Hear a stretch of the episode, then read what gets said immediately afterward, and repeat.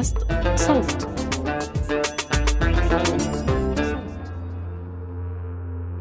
إحنا على المريخ في شهر آذار مارس 2058 حسب التقويم الأرضي. بعد عدة محاولات فاشلة بعثة بشرية عم تنجح في بناء أول مستعمرة على سطح الكوكب الأحمر. مساكن، دفئات زراعية ومختبرات علمية.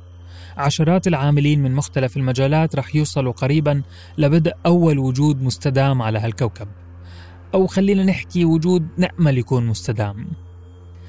التحدي كان كبير. المشروع كلف موارد هائلة لاستصلاح التربة وإذابة الجليد تحت القشرة المريخية وتأهيل مساحات محدودة للعيش. أخيرا رح يصير في امتداد بشري يضمن استمرارنا في حال اندلعت حرب نووية وحرقة الأخضر واليابس أو اتجه التغير المناخي لمنحنى لا رجع فيه. هذا السيناريو اللي بنشوفه بأفلام الخيال العلمي وبيفترضه الطامحين لاستعمار المريخ واللي يبدو أبسط بكثير من الواقع وتحدياته. الواقع كتير معقد. إحنا لساتنا في 2021 والبشرية ما زالت بتحتفي بالبعثات الجديدة للكوكب الأحمر. بعثات بتبحث عن احتمالية الحياة في مكان غير الأرض. هذا بودكاست المستجد. أنا محمود الخواجة.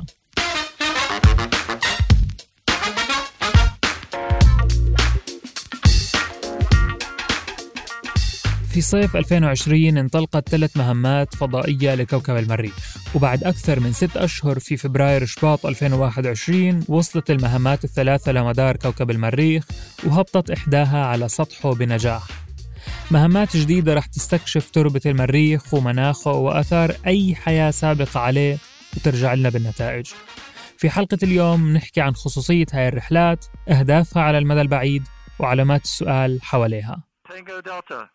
نبدأ من وكالة الفضاء الأمريكية ناسا. في فبراير شباط الماضي كانت الفرحة مش واسعة الموظفين في مركز التحكم بالمهمة. المركبة الجوالة بيرسيفيرنس بمعنى المثابرة هبطت بسلام على المريخ بعد ما قطعت 480 مليون كيلومتر تقريبا في الفضاء.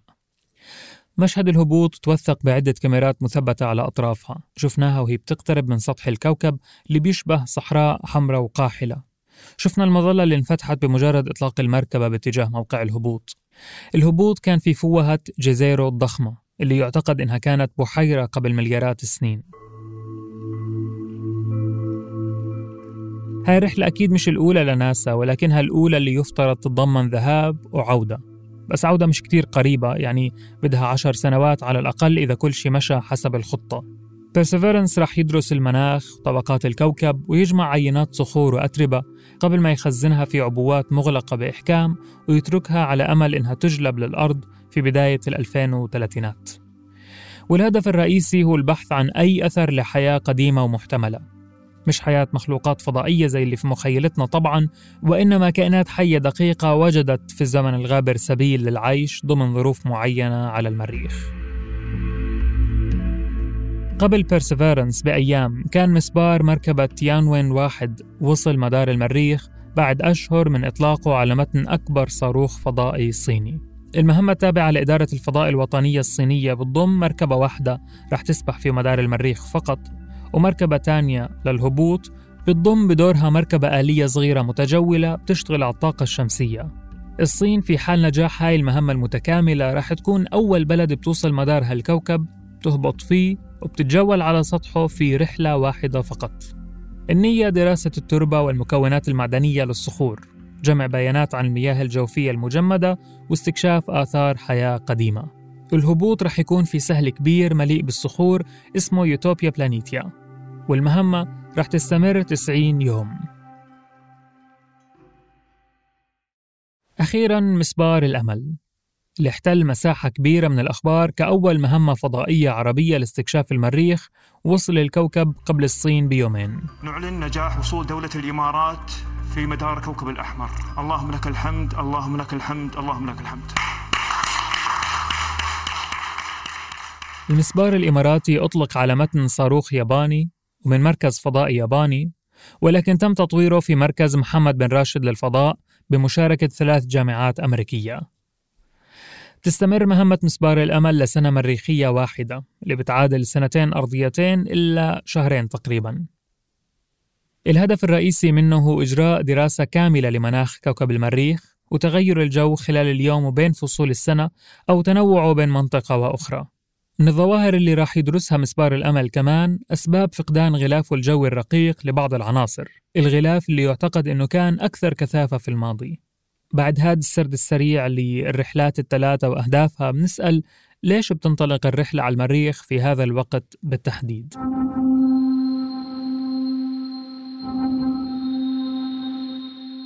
اختيار صيف 2020 كموعد للإطلاق مرتبط بقصر المسافة بين الأرض والمريخ. يعني في أكتوبر تشرين الأول الماضي كنا بعاد عن المريخ حوالي 62 مليون كيلومتر. وهاي مسافة قريبة نسبيا ما بتتكرر غير كمان سنتين. ولكن هل هذا بيعني أنه المسبار عند إطلاقه رح يقطع مسافة 62 مليون كيلومتر فقط؟ لا طبعا لأنه الأرض والمريخ بيدوروا حوالين الشمس بسرعات مختلفة ولمسافات مختلفة. خلينا نتخيل مدار مجموعتنا الشمسية. الأرض والمريخ بيدوروا حوالين الشمس.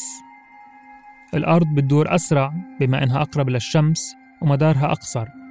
أما المريخ فبيدور أبطأ لأنه أبعد عن الشمس ومداره أطول. وهذا بيفسر سبب طول السنة المريخية. المهم كل سنتين في فترة معينة بتقصر فيها المسافة بين الأرض والمريخ لما يكون الكوكبين شبه متقابلين في نقطة ما بمداراتهم. بيكون كوكب الأرض تقريبا جاي بين المريخ والشمس اللي هي مركز المدار. بناء على هذا الأساس تطلق المركبات في هذا الوقت بالتحديد. هل بتنطلق مباشرة باتجاه المريخ في لحظة الإطلاق؟ أكيد لا لأنه بعد ست أشهر لما المركبة توصل بيكون المريخ صار بموقع تاني تماما. اللي بيصير إنه تطلق المركبة باتجاه نقطة رح يوصلها المريخ بعد فترة من الزمن اللي هي 200 يوم تقريبا إذا بنحكي عن المهمات الثلاثة الأخيرة.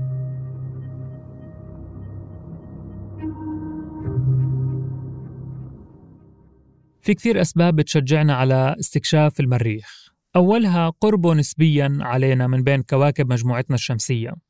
ممكن نسأل هون إنه عندنا كوكب الزهرة أقرب منه ليش ما نروح عليه؟ الجواب غالبا لأنه الزهرة كوكب ملتهب درجة الحرارة فيه عالية جدا والضغط الجوي على سطحه رهيب. يعني احتمالية استعماره غير واردة. أما المريخ فصحيح مناخه أبرد من الأرض وغلافه الجوي رقيق جدا ما بيحميه كفاية من أشعة الشمس ولكن في بعض المناطق والأوقات من السنة ممكن يكون شبيه جدا بمناخنا. إضافة إلى أنه تاريخ وجود الماء عليه يسيل لعاب العلماء. رغم تأكيد وجود مياه متجمدة على القطبين الشمالي والجنوبي للمريخ عثر على قنوات ووديان وأخاديد منتشرة في كل أنحائه. وهذا يعتبر مؤشر على احتمالية تدفق مياه سائلة على سطحه في الماضي. لهيك بتبحث المهمات الفضائية عن أي أثر لحياة سابقة لأنه أينما وجد الماء توجد الحياة. هاي المعطيات كلها حصلنا عليها بفضل المهمات السابقة للمريخ. هاي المهمات اللي كانت ضمن سياق الحرب الباردة بين أمريكا والاتحاد السوفيتي. الصراع غير المباشر على الأرض اللي كان عم يترجم لسباق في الفضاء. السباق بين السوفيت والأمريكان لاستكشاف المريخ بدأ عام 60 1960 معظم المهمات ما تكللت بالنجاح المطلوب. بس في سنة 1974 حققت مركبة لناسا أول هبوط ناجح على سطح المريخ وأرسلت عشرات آلاف الصور. مشاهد صورت هالكوكب الموحش القاحل الخالي من الحياة. من بعدها تتالت الرحلات بعضها حقق أهدافه والآخر فشل.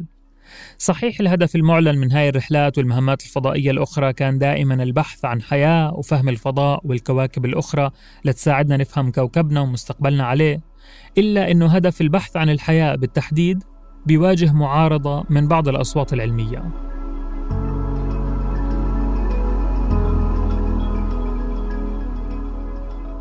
ناسا عبرت في أكثر من مرة عن نيتها إرسال رحلات فضائية مأهولة بالبشر والتخطيط لإرسال وجود بشري مستدام على المريخ. لكن هذا الهدف غير ضروري على الإطلاق حسب بعض الآراء في الأوساط العلمية. المعارضين لفكرة الرحلات البشرية للمريخ واستعماره لاحقا بيبنوا موقفهم على احتمالية تلويثنا للكوكب وبالتالي تدميرنا أي إمكانية حياة عليه أصلا. هذا في حال ما حسبناها من منطلق بشري أناني تجاه أي وجود حيوي آخر في الكون. بكلمات أخرى البشر لما يوصلوا المريخ ما رح يوصلوا لحالهم وإنما مع ميكروباتهم اللي ما بنعرف كيف رح تتفاعل مع بيئة المريخ. في علماء بيدعوا للاهتمام أكثر بالكوكب الأرضي لحياتنا عليه مستقبلنا فيه بدل ما نروح ندور على كواكب أخرى في الفضاء. الفلكي الأمريكي كارل ساغان كتب ما معناه أنه المفروض ما نقدم على أي خطوة تجاه المريخ وفي حال وجود حياة ميكروبية على سطحه فهذا معناه أنه الحفاظ على هاي الحياة أهم من استخدامه لأي غرض آخر. يعني استعمارنا للمريخ قد يضر ولا ينفع.